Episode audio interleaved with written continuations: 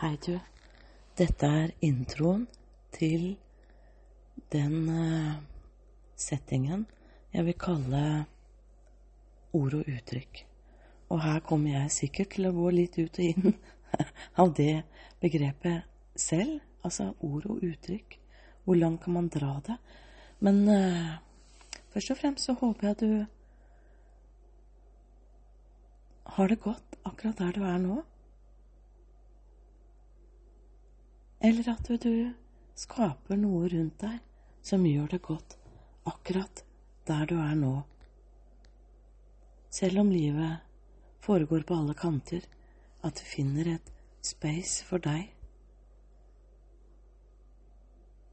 som du kan lande litt i. Ord og uttrykk er veldig spennende, fordi vi forstår ord og uttrykk veldig forskjellig. Og i dag, for eksempel, så venter jeg en telefon eh, på formiddagen. Og når er formiddagen egentlig? For det kommer an på hvem du spør. Og søstera mi vil si at formiddagen, det er før middag, men hun spiser middag klokka åtte. Nå har jeg en prins her som jeg har litt kos. Jeg kan gjøre to ting på en gang. Eh, så, men jeg er i hvert fall veldig spent da, på når, eh, når den telefonen kommer i dag. For det er en person som er 19 år gammel, og jeg er jo 54. Så for meg er formiddagen før klokka tolv. Og det kommer av gammelt av da spiste man middag klokka tolv. Så før middag, når jeg vokste opp Ja, det var kanskje for noen som spiste middag klokka fire på den tiden etter at de kom fra jobb. Men eh, i meg har det hengt etter at formiddagen er før klokka tolv.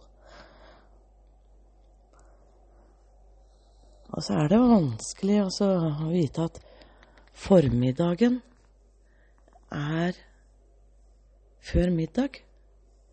For man sier bare formiddagen, og det blir bare et begrep til slutt. Men hvor viktige begreper er for å forstå hverandre. Og noen ganger så tenker jeg på, på de som kommer til Norge og skal lære seg språket, og da er det et uttrykk som er veldig veldig spennende, og som er helt likt men som betyr helt to forskjellige ting. Og det er ja, veldig. Eller ja, veldig. Det er akkurat de samme ordene, men man, hvordan man bruker stemmen, gjør de to ordene der Det er ikke Ja, altså det, ja de to ordene der helt eh, gir dem helt forskjellig betydning. For ja, veldig, det betyr at man ikke tror på det. det er Særlig det der er sant. Men når man sier ja, veldig, ja, da har man veldig lyst på en iskrem. Eller veldig lyst på et eller annet. Så det å forstå hverandre ut ifra ord er eh, krevende. Eh, men det gjelder alt vi forstår, for vi forstår ting ut ifra hvordan vi forstår våre egne liv, og ut ifra hvordan vi har lært oss forskjellige begreper og hva de betyr. Og man kan jo ha lært helt forskjellige ting, og det kommer an på hvor man har vokst opp, eller hvordan man har vokst opp, eller hvordan man rett og slett forstår ordene eller begrepene. Og nå får jeg veldig mye kos. Og Charlie han liker at jeg snakker inn i panna hans, så da blir det litt utydelig. Nå har han panna helt inntil munnen. Og så får han ikke lov å slikke meg på munnen. Og så men, men, når jeg snakker inn i munnen, han elsker det, så, så koser han på brystet samtidig. Og så kommer det sånne små hakk opp, opp til slutt. han, der kom det. Han gjør det så sakte, for han veit han ikke får lov å slikke meg på munnen. Og så gjør han det sånne små, bitte små hakk. Han tror ikke at jeg merker det, skjønner Han flytter panna si så sakte. Og til slutt så har jeg fått et, et sus på tunga. Nei, et sus av tunga på munnen. mm, 'Jeg er glad i deg, du fin gutt'. Men ja, ord og uttrykk skal være skal være en del av denne bolken som kalles Nei, nå ble det mye sur her. Jeg har bestemt meg for at jeg skal la livet få være liv, uten at det, det må være så ordentlig i den ene eller andre retningen. For hva er ordentlig? Det er et liv som skjer. Livet er i bevegelse.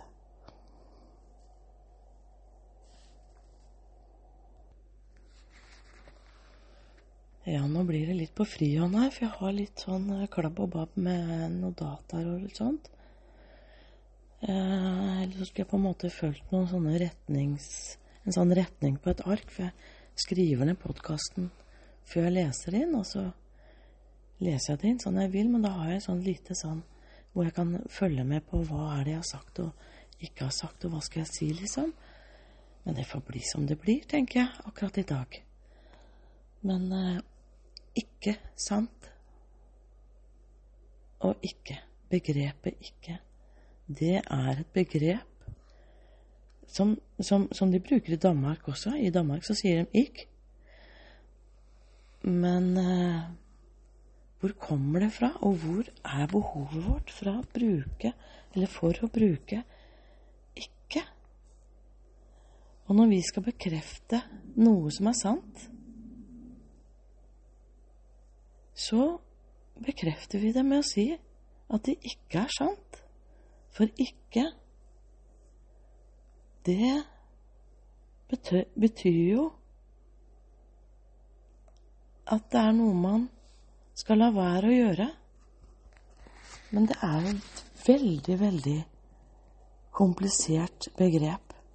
Og for min, eh, mitt vedkommende så øver jeg meg veldig på å ta det begrepet helt ut av av min sfære.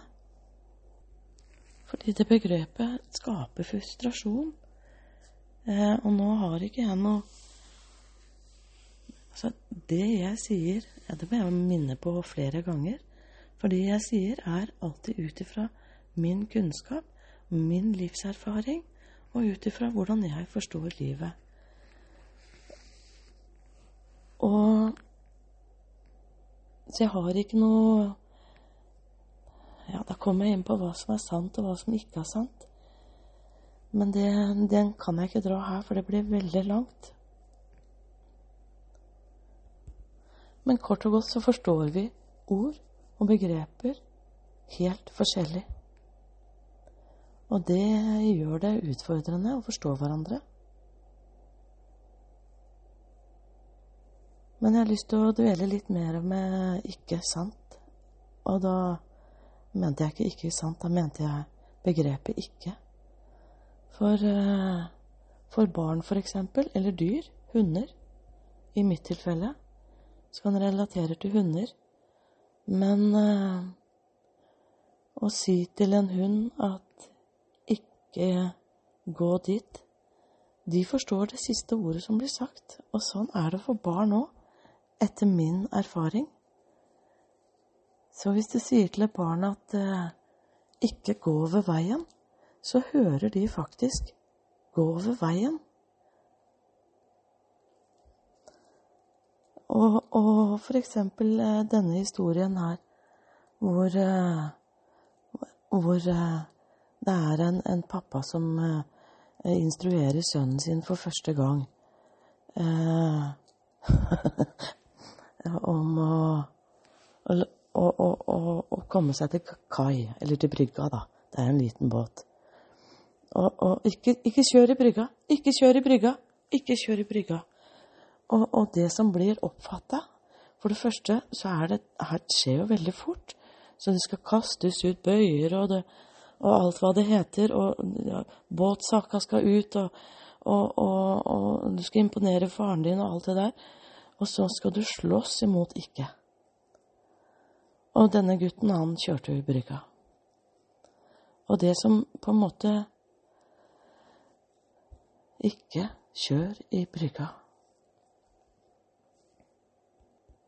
hvorfor er det nødvendig å gå omveien rundt ikke? Det forkrongler språket for noen av oss. I hvert fall for meg. Det burde jo vært mye lettere å forstå språket hvis man forteller hva man ønsker skal skje, istedenfor å ta omveien rundt ikke. Jeg skal komme på et eksempel. Ja, dette ble bare et eksempel. Men ikke trå i det vannet der. Kunne man ha sagt 'gå rundt vannet'? Ser du vannet på gulvet? Kan også være en mening. Men ikke. Det forvirrer. Det gjør at jeg tror hvis folk flest er skrudd sammen relativt likt, så er begrepet ikke et sånt begrep som bare skaper forvirring. Og en gang i tiden så hadde jeg faktisk lyst til å skrive en bok om det. Den skulle hete Hvorfor ikke? Og det kan forstås på to måter, det òg. Hvorfor ikke? Stoppa det opp her.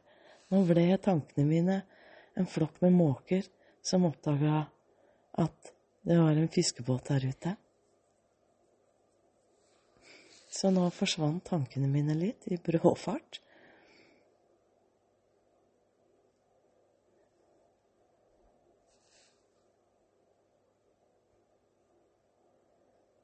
Men det spiller en rolle om man har spørsmålstegn bak f.eks. 'hvorfor ikke'? Det betyr 'hvorfor bør man gjøre noe annet enn det som er foreslått'? Men når boka skal hete 'Hvorfor ikke', så er det nettopp i dobbel betydning også i 'hvorfor ikke'? Altså, hvorfor bruker vi ikke i vårt språk? Det er moro med ord og begreper. Altså, jeg, blir, jeg har alltid vært interessert i det. Og, og hvorfor heter ting som det heter? Eh, for eksempel, jeg har jo padla mye ved Nøklevann. Eh, sier ved Nøklevann. jeg har eh, padla på Nøklevann. Og hvorfor heter Nøklevann Nøklevann? Nøklevann i Oslo. Hvorfor heter det det? Og det, altså, det heter, het fra gammel, gammel, gammelt av så het det Miklivatn. Og Mikli, det betyr nøkkel. Og hvis man hadde hatt en drone og så Nøklevann, så mente man fra gammel, gammel, gammelt av Og den gangen hadde man ikke droner, altså. Da måtte man tegne ting på kart. Men man syns når man tegna det på kart, at det så ut som en nøkkel. Og i dag har det blitt omgjort til nøklevann. Jeg sier nøklevann det er sikkert noen som sier nøklevann på en helt annen måte. Og her kommer jo sosiolekter, dialekter og, og, og, og, forståelse av ord inn. For man kan vri litt på ord etter hvert som samfunnet vokser til. Jeg husker mammaen min var veldig nøye på at jeg skulle si eh, altså ha klare KJ-lyder, f.eks. kjole istedenfor kjole. Og, og, og, her kommer det noe morsomt inn. Ja, da må jeg forklare litt mer eh, uten å forklare, men kino eller kino? Og så ha klare Altså ha en skarp tone det fordi det gjør stor forskjell på et ord, det òg. Man sier for eksempel kjede eller skjede. Der har du jo Oi, uff da. Det var to veldig brått forskjellige uttrykk.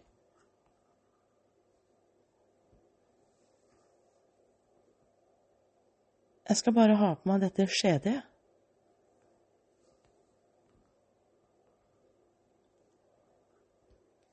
Og nå kommer du til å skjønne hvor jeg har eh, i hvert fall tråkka de første oppvekståra mine. For her på denne plassen så vokste jeg opp med harru, som betyr har du, skal du, skal du, vil ikke, vil ikke, må ikke, må ikke, så ikke, så ikke.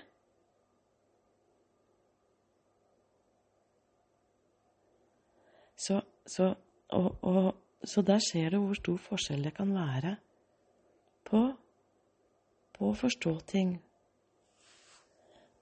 Og hvordan språket utvikler seg selv eh, gjennom mennesker, gjennom og mellom mennesker og interaksjoner. Eh, kebabnorsk, det er et, en seriøs sosiolekt, men den Sosiolekter de, de, hører jo til på forskjellige steder. På Grünerløkka kan man ha en sosiolekt, men nå er jo Grünerløkka Den er jo tilflytta fra mange hold. Så nå vil sosiolekten der endre seg. Men vi, fra, i gamle dager, for eksempel, da, så, så, så sto jo sosiolektene mer fast fordi folk bodde der de bodde. I større grad. Nå flytter vi mer på oss.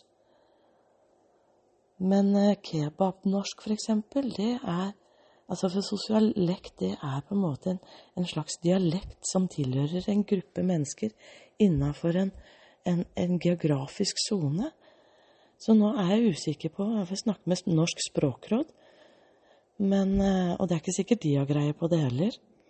Men eh, de er i hvert fall de som forstår mye om ord, eller setter agendaen for hvordan vi skal forstå ord og uttrykk, eller lager nye ord eh, sånn at de skal bli norske. Og kebabnorsk er et fantastisk språk. Det er som en stor kjele hvor man har putta opp i mange forskjellige kulturer og mange forskjellige variasjoner av et forsøk på å snakke et norsk språk. Og så blander man det sammen, og så lar man det elte litt, og så får man kebabnorsk.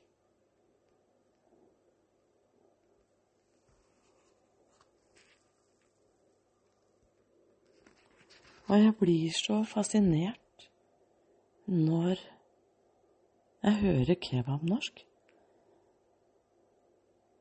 Jeg må, jeg må altså smile fra øre til øre, og av og til sitter jeg bare med åpen munn så det ser ut som jeg bare har et svart hull i ansiktet.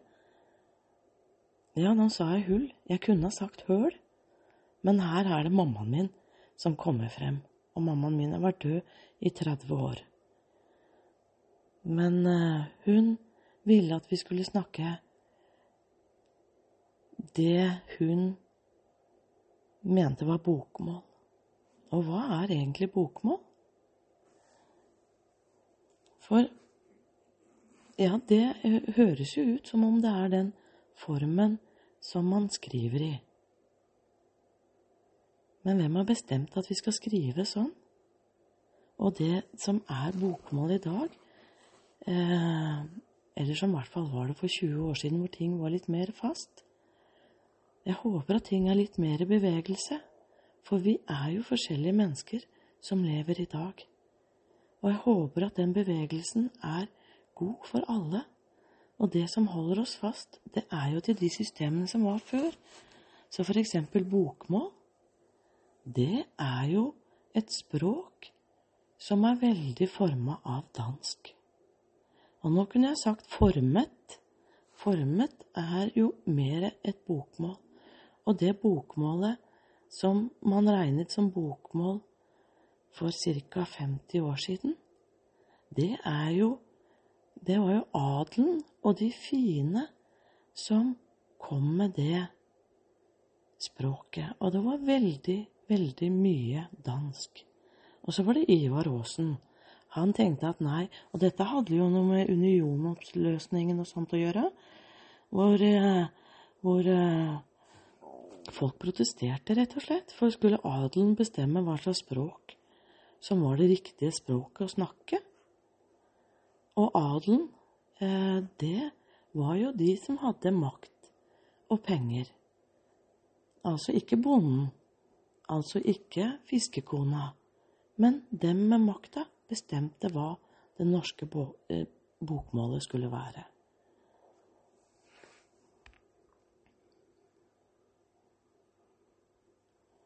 Og igjen så må jeg minne deg på at min erfaring er min erfaring, og du trenger ikke å stole på noe av det jeg sier, fordi dette her er min opplevelse ut ifra min livserfaring.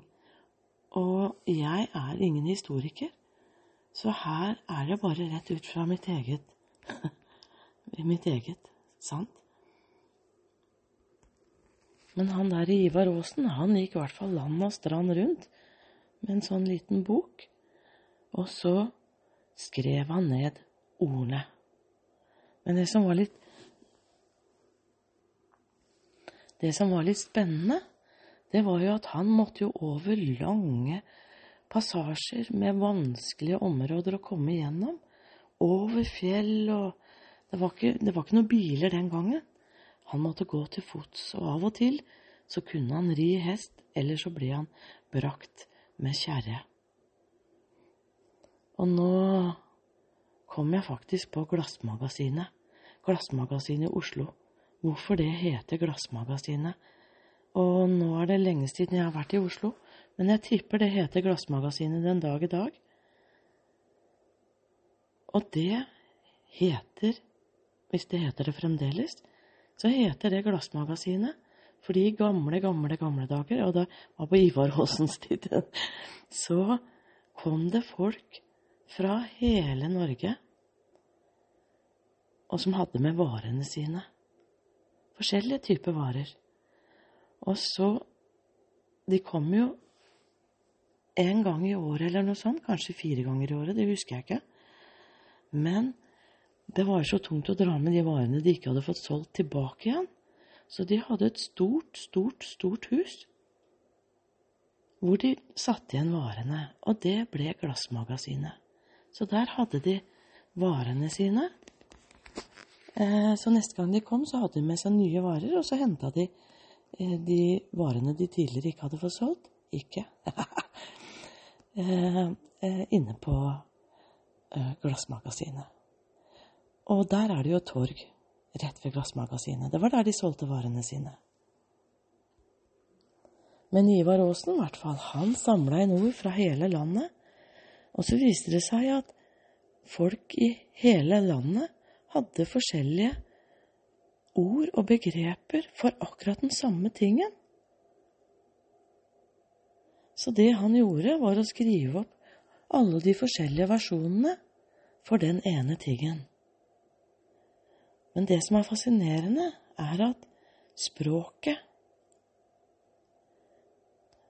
Språket er annerledes i steder, eller på steder, eller i samfunn som har lite interaksjon av folk som kommer på besøk.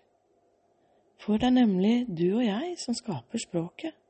Det er samhandling mellom mennesker som utvikler språket. Så avsidesliggende plasser hvor det er lite tilstrømning av ny inspirasjon og ny påvirkning mellom mennesker, der vil ordene og begrepene og måten man snakker på og forstår hverandre, være helt annerledes enn på steder hvor det er mye mennesker og mye ny tilstrømning av mennesker. Så når man snakker med mennesker, hvordan skal man vite hvor mennesker kommer fra? ja, da kan det være lurt å sjekke inn. Men jeg har jo forstått det riktig.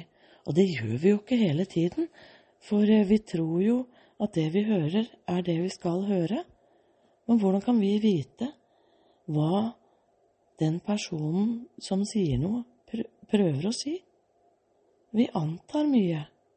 Jeg tror eh, Jeg skal ikke gjette på noen prosenter. Eh, men jeg, jeg, tenker at kanskje 40% av det vi hører, er ren gjetning, basert på vår egen livserf livserfaring. Er det ikke rart? Og er det ikke litt morsomt? Og så er det av og til fryktelig trist Fordi det ligger an til veldig mange potensielle misforståelser. Når man forstår ut ifra sitt eget hode. Og det kommer jeg inn på en annen podkast, på hva som er sant, og hva som ikke er sant, og om vi kan stole på det vi forstår. For eksempel, da kommer jeg inn på automatiske tanker. Ja, nå må jeg stoppe, altså, for denne da, da, blir det liksom 20 timer podkast i én podkast. Denne podkasten er en intro til ord og uttrykk. Og jeg begrenser det til det ord og uttrykk rett og slett for å få plass på, på det bildet jeg har tenkt å legge inn. Og i forbindelse med Jeg starta jo så vidt det var på kebabnorsk og sosiolekter tidligere, for 50 år siden ca. 40-30.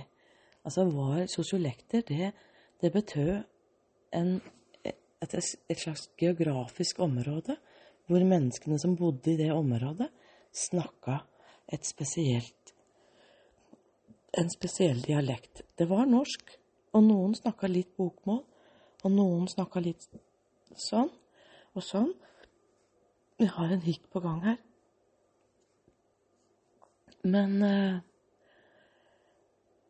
ja, det var derfor det ble litt sånn rart. Vi måtte svelge av de hikene, ja. Oi, nå kom det en til. Da tar jeg en liten, en liten pause. Så tidligere har jeg bare forholdt meg til uh, dialekter, sosiolekter og, og, og bokmål, på en måte. Men hva er bokmål, da? Jo, det er det adelen la an til å være bokmål. Og så har vi jo nynorsk, og det det, var, det har sin bakgrunn i alle disse ordene som Ivar Aasen samla sammen.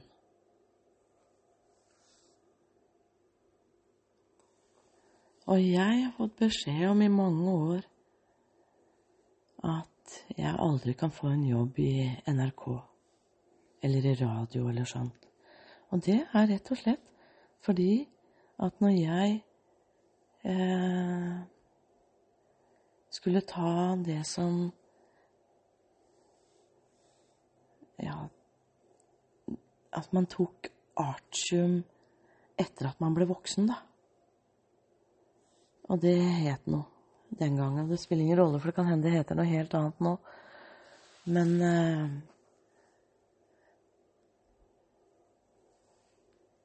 Det het vel egentlig bare generell studiekompetanse. Man måtte ha videregående skole for å komme inn på universitetet, høyskolen eller sånne ting. Men, eh, og det gjorde jeg når jeg ble voksen. Så da var det ikke artium. Man måtte ha noen fag for å kunne gå videre på skole. Høyskole eller universitetet. Jeg tror faktisk ikke universitetet. Eh, for der eh, For ja, det er jeg sannelig ikke sikker på. Men det er mye her inne som ikke trenger å være sant, selv om jeg sier det som om det er sikkert, altså. Bare så det er sagt. Men når jeg tok uh, generell studiekompetanse på voksen ressurs- og opp, opplæringssenter på Sinsen, eller hva det heter, så SRV Ja, ja. Jeg skal ikke gå inn i de bokstavene der for å huske det.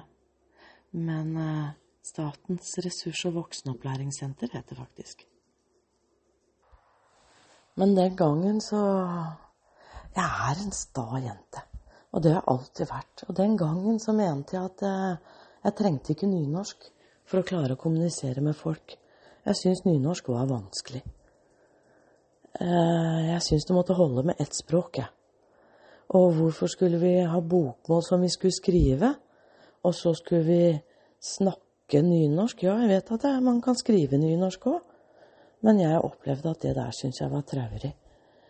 Og så Og, og, og, Men jeg hadde ting i livet også som var traurig, som gjorde at det ble litt ekstra mye.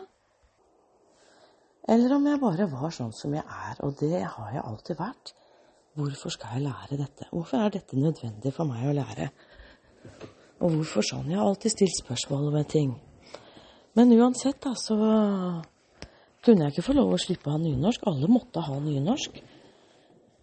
Og så kom jeg på en ting, og det var at eh, eh folk eh, som hadde et annet morsmål, de fikk slippe nynorsk. Og, og jeg, jeg, jeg, er født i Australia. Og så hadde jeg en dansk pappa og en norsk mor.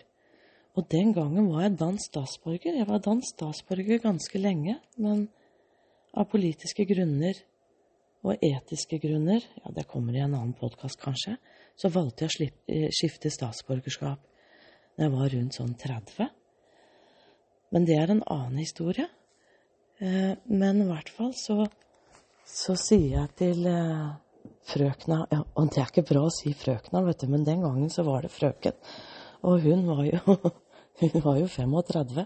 Hun var ikke glad i å bli kalt frøken heller, så jeg, jeg sa navnet hennes til slutt, da. Men, eh, men eh, I hvert fall så sa jeg at da kan jeg, kan jeg få lov å, å, å slippe å ha nynorsk. Nei, men jeg var jo norsk. Så sier jeg nei, er dansk. Så sier hun 'er det dansk?' Så sier jeg Og jeg snakka jo norsk. Og så, og så, sier jeg 'ja, jeg er dansk'. Og så sier jeg 'burde ikke, ikke Og så måtte jeg fortelle at jeg hadde arva uh, statsborgerskap, for jeg har aldri bodd i Danmark. Så sier jeg det at pappaen min var dansk. Altså, den gangen levde han jo. Ja, det er jeg ikke så sikker på.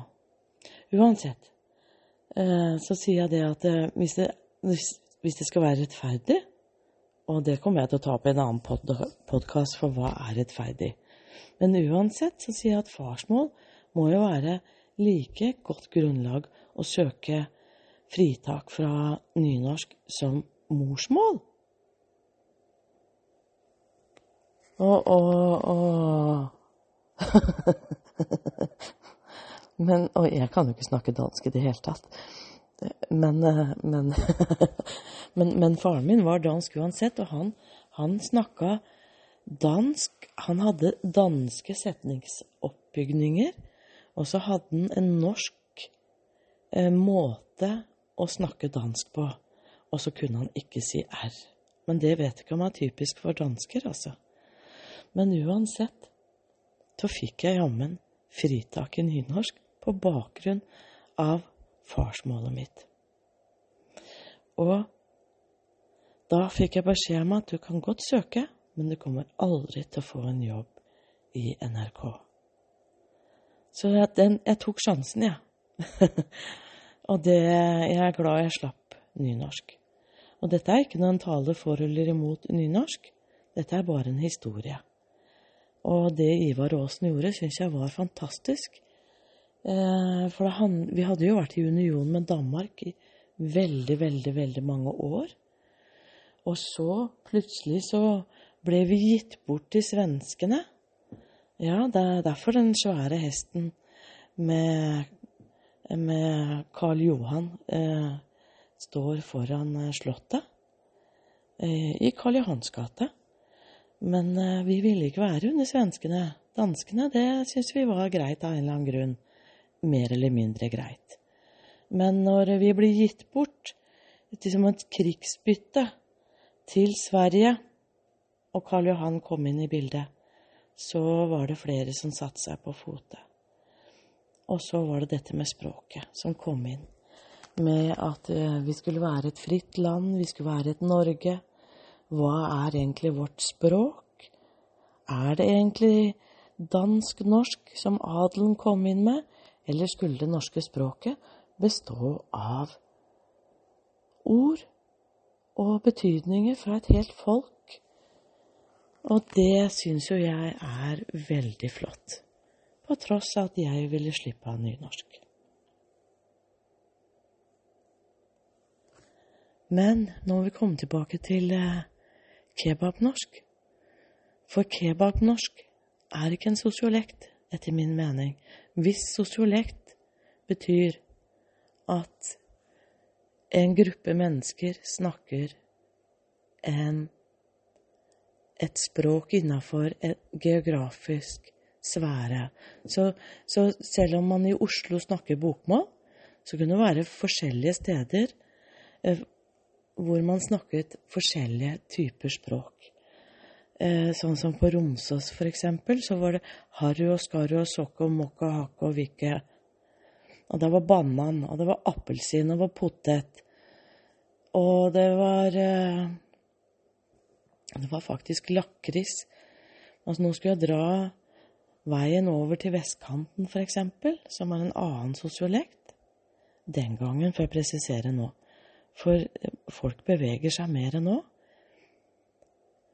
Men eh, Og da må jeg dra det fra lakris, for jeg, jeg, bodde jo på Holmenkollen en stund.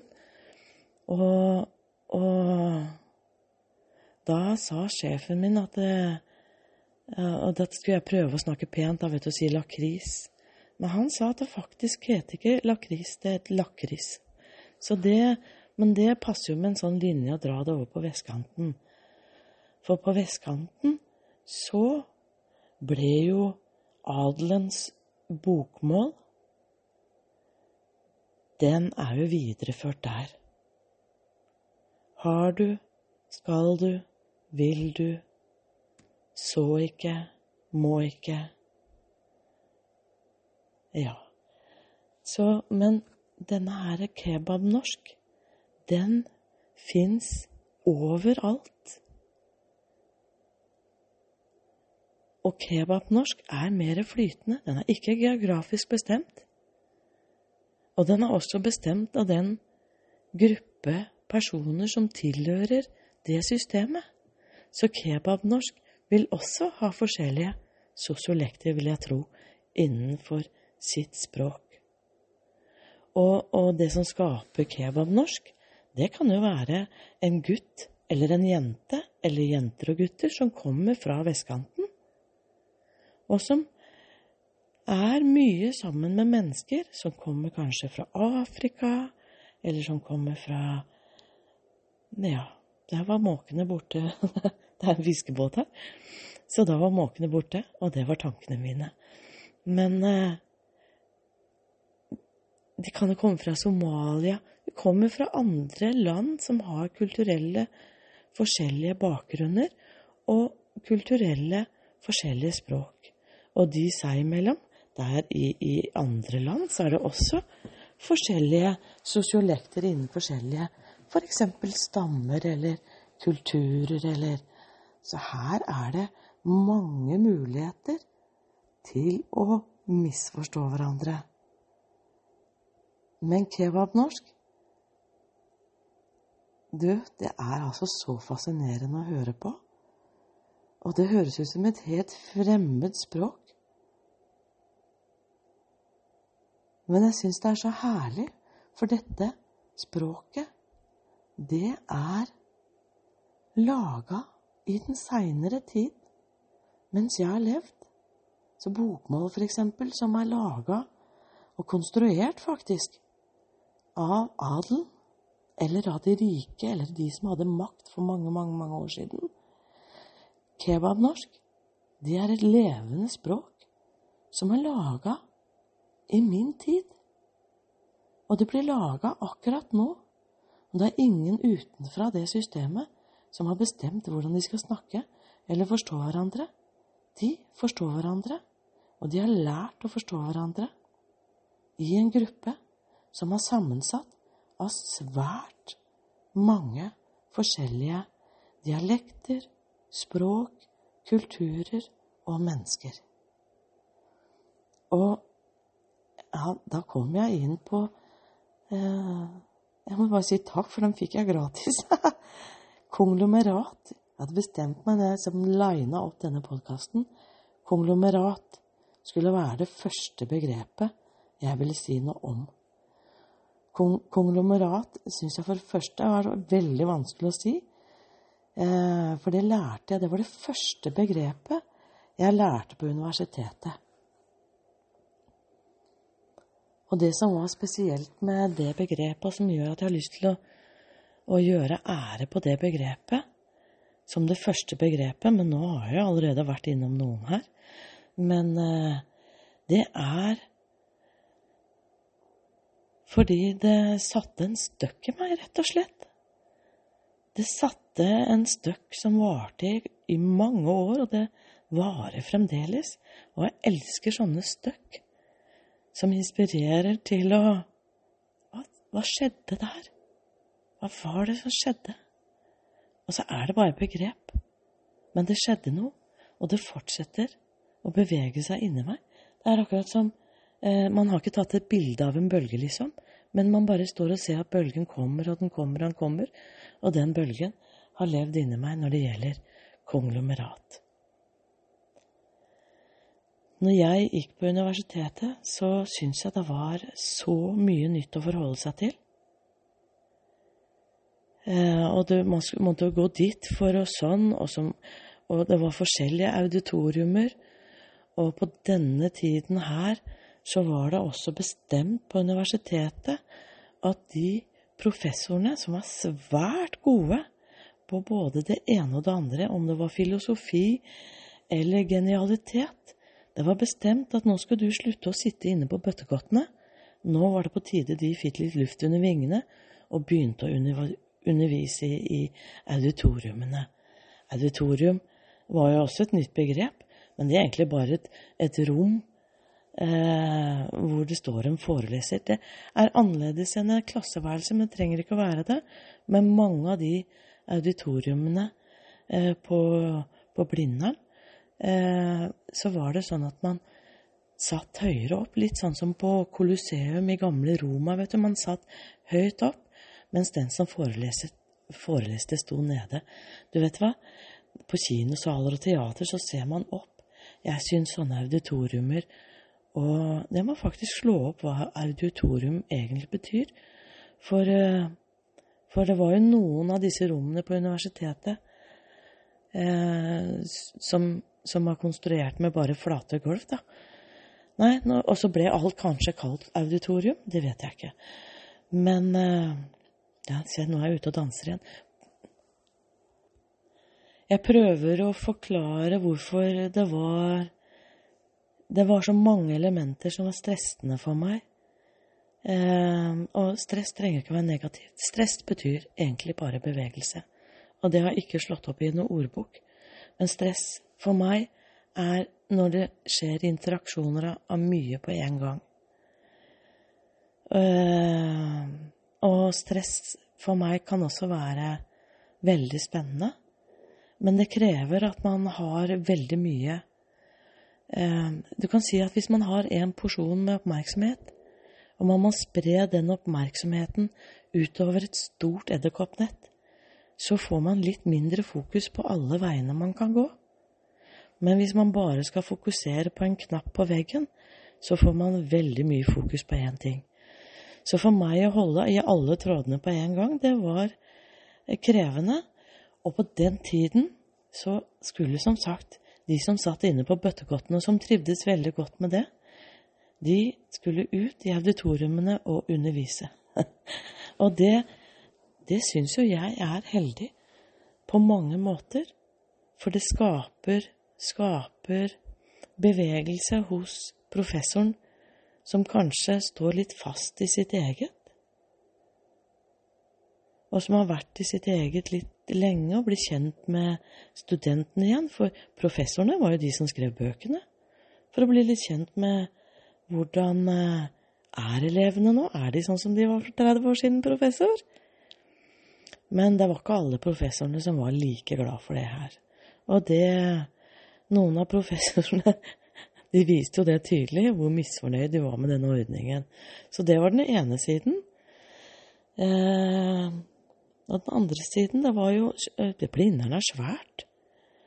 Og jeg kom fra en situasjon i min livserfaring hvor eh, Jeg skal holde meg unna begrepet ikke. Eh, veldig mange er heldige og lærer studieteknikker fra de er barn.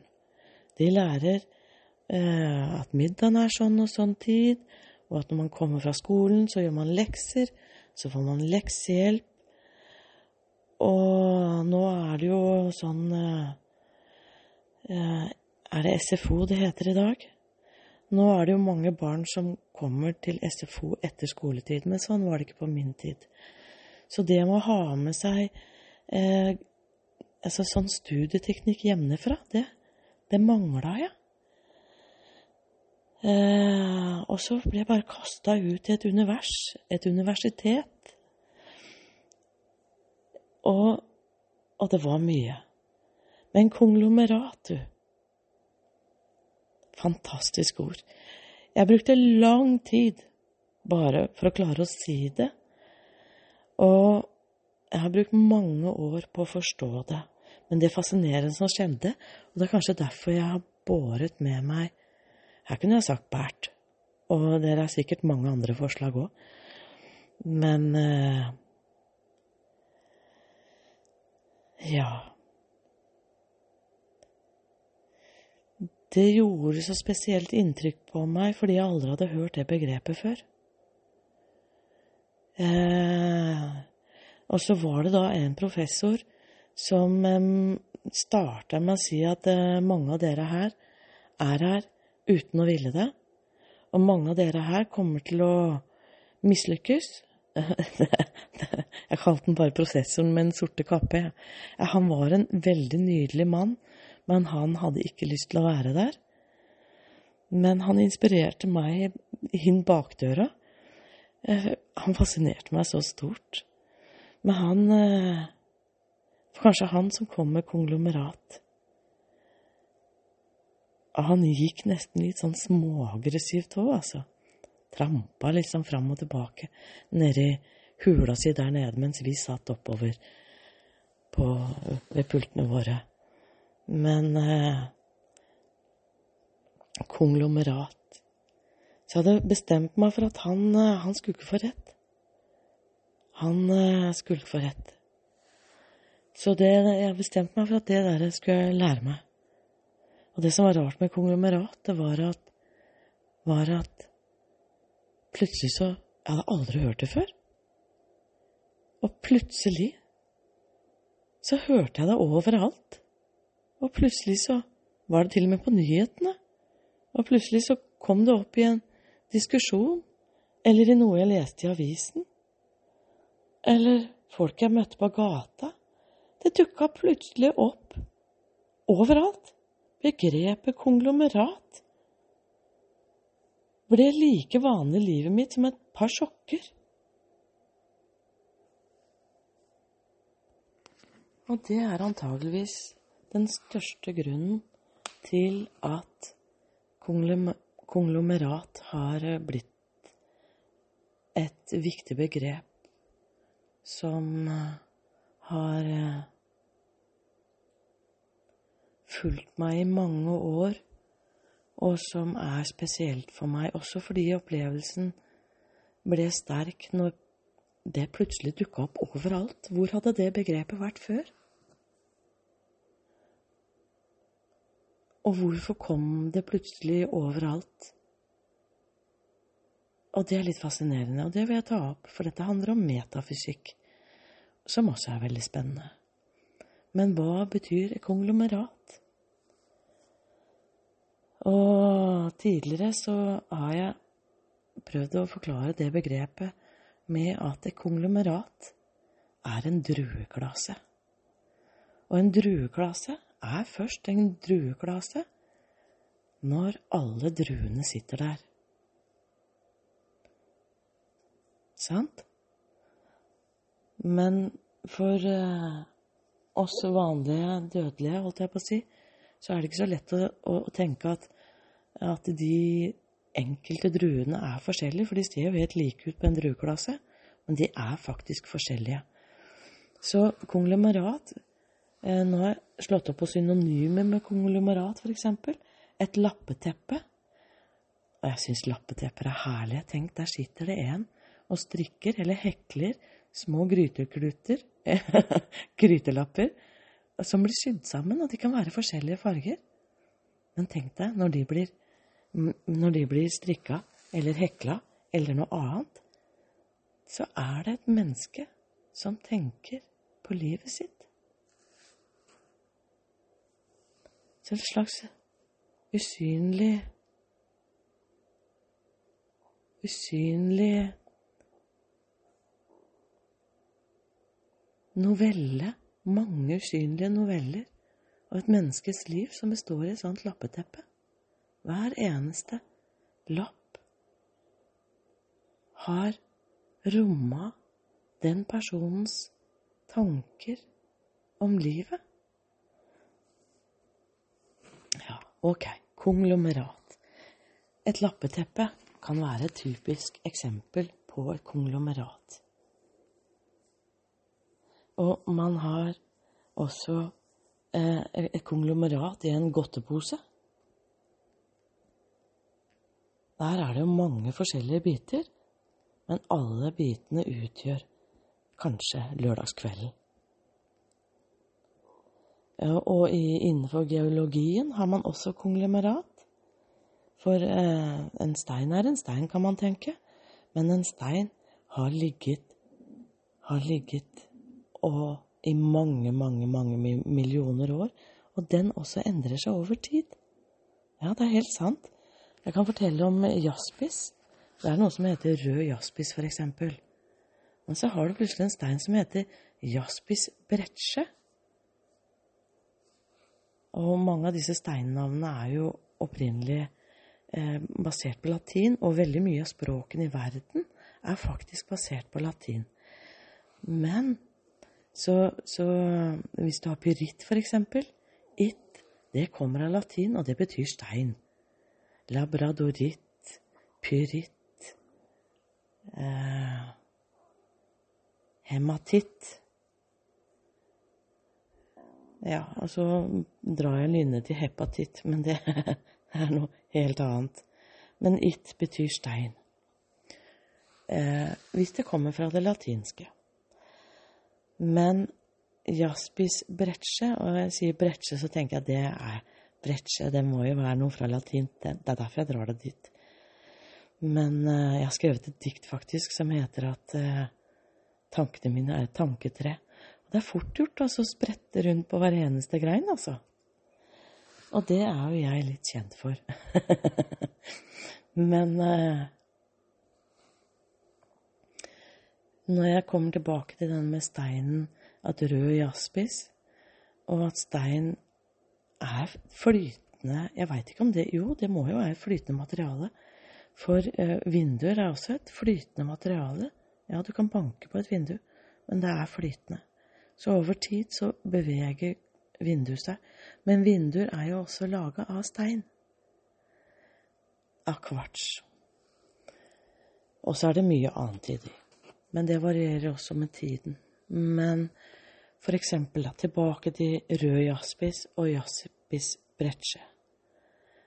Jaspis bretsje består nemlig Du kan forestille deg en Eh, en rød jaspis og noen andre steinarter.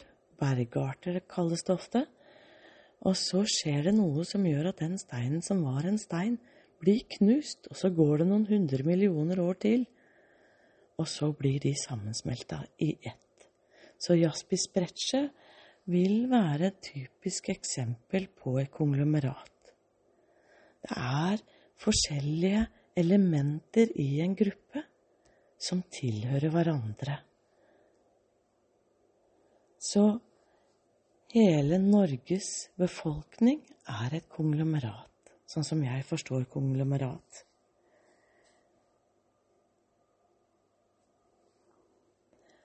Lapskaus er et annet eksempel på hva et konglomerat kan være. Den lapskausgryta den består av mange forskjellige deler som utgjør en helhet. Og da har jeg kommet til enden av denne Ja, se, nå fikk jeg tilbake tankene mine. Det var måkene, hørte dere? Ja, det skal være sånn, sier og Kjærlig. Ja. Eh, men nå er jeg kommet til enden av denne podkasten, som er en intro for ord og uttrykk. Og så eh, vil jeg avslutte, eller avrunde, og det skal vi se om blir en avrunding. Men jeg har lyst til å avslutte, eller avrunde, med en, med en, en, en, slags vits. Og det var altså, var altså en mann som ble stoppa. Det var den gangen de fleste av oss hadde en bil vi hadde dytta minst ti ganger. Og, og, og um, Det var en, en, en, en, ung student i denne bilen, og dette var på Blindern. Og den bilen var rimelig shabby. Så han ble altså stoppa av politiet. Og så kikker politiet inn i bilen, og så får han øye på et svært høl eh, på passasjersiden eh, i gulvet.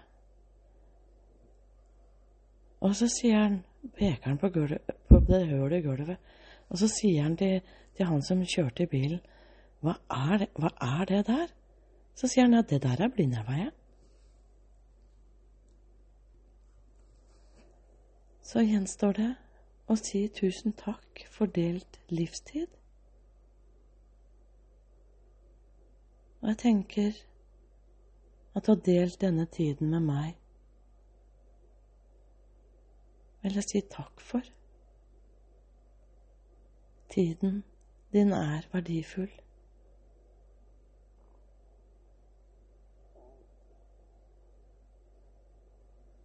Gjør det som gjør deg godt.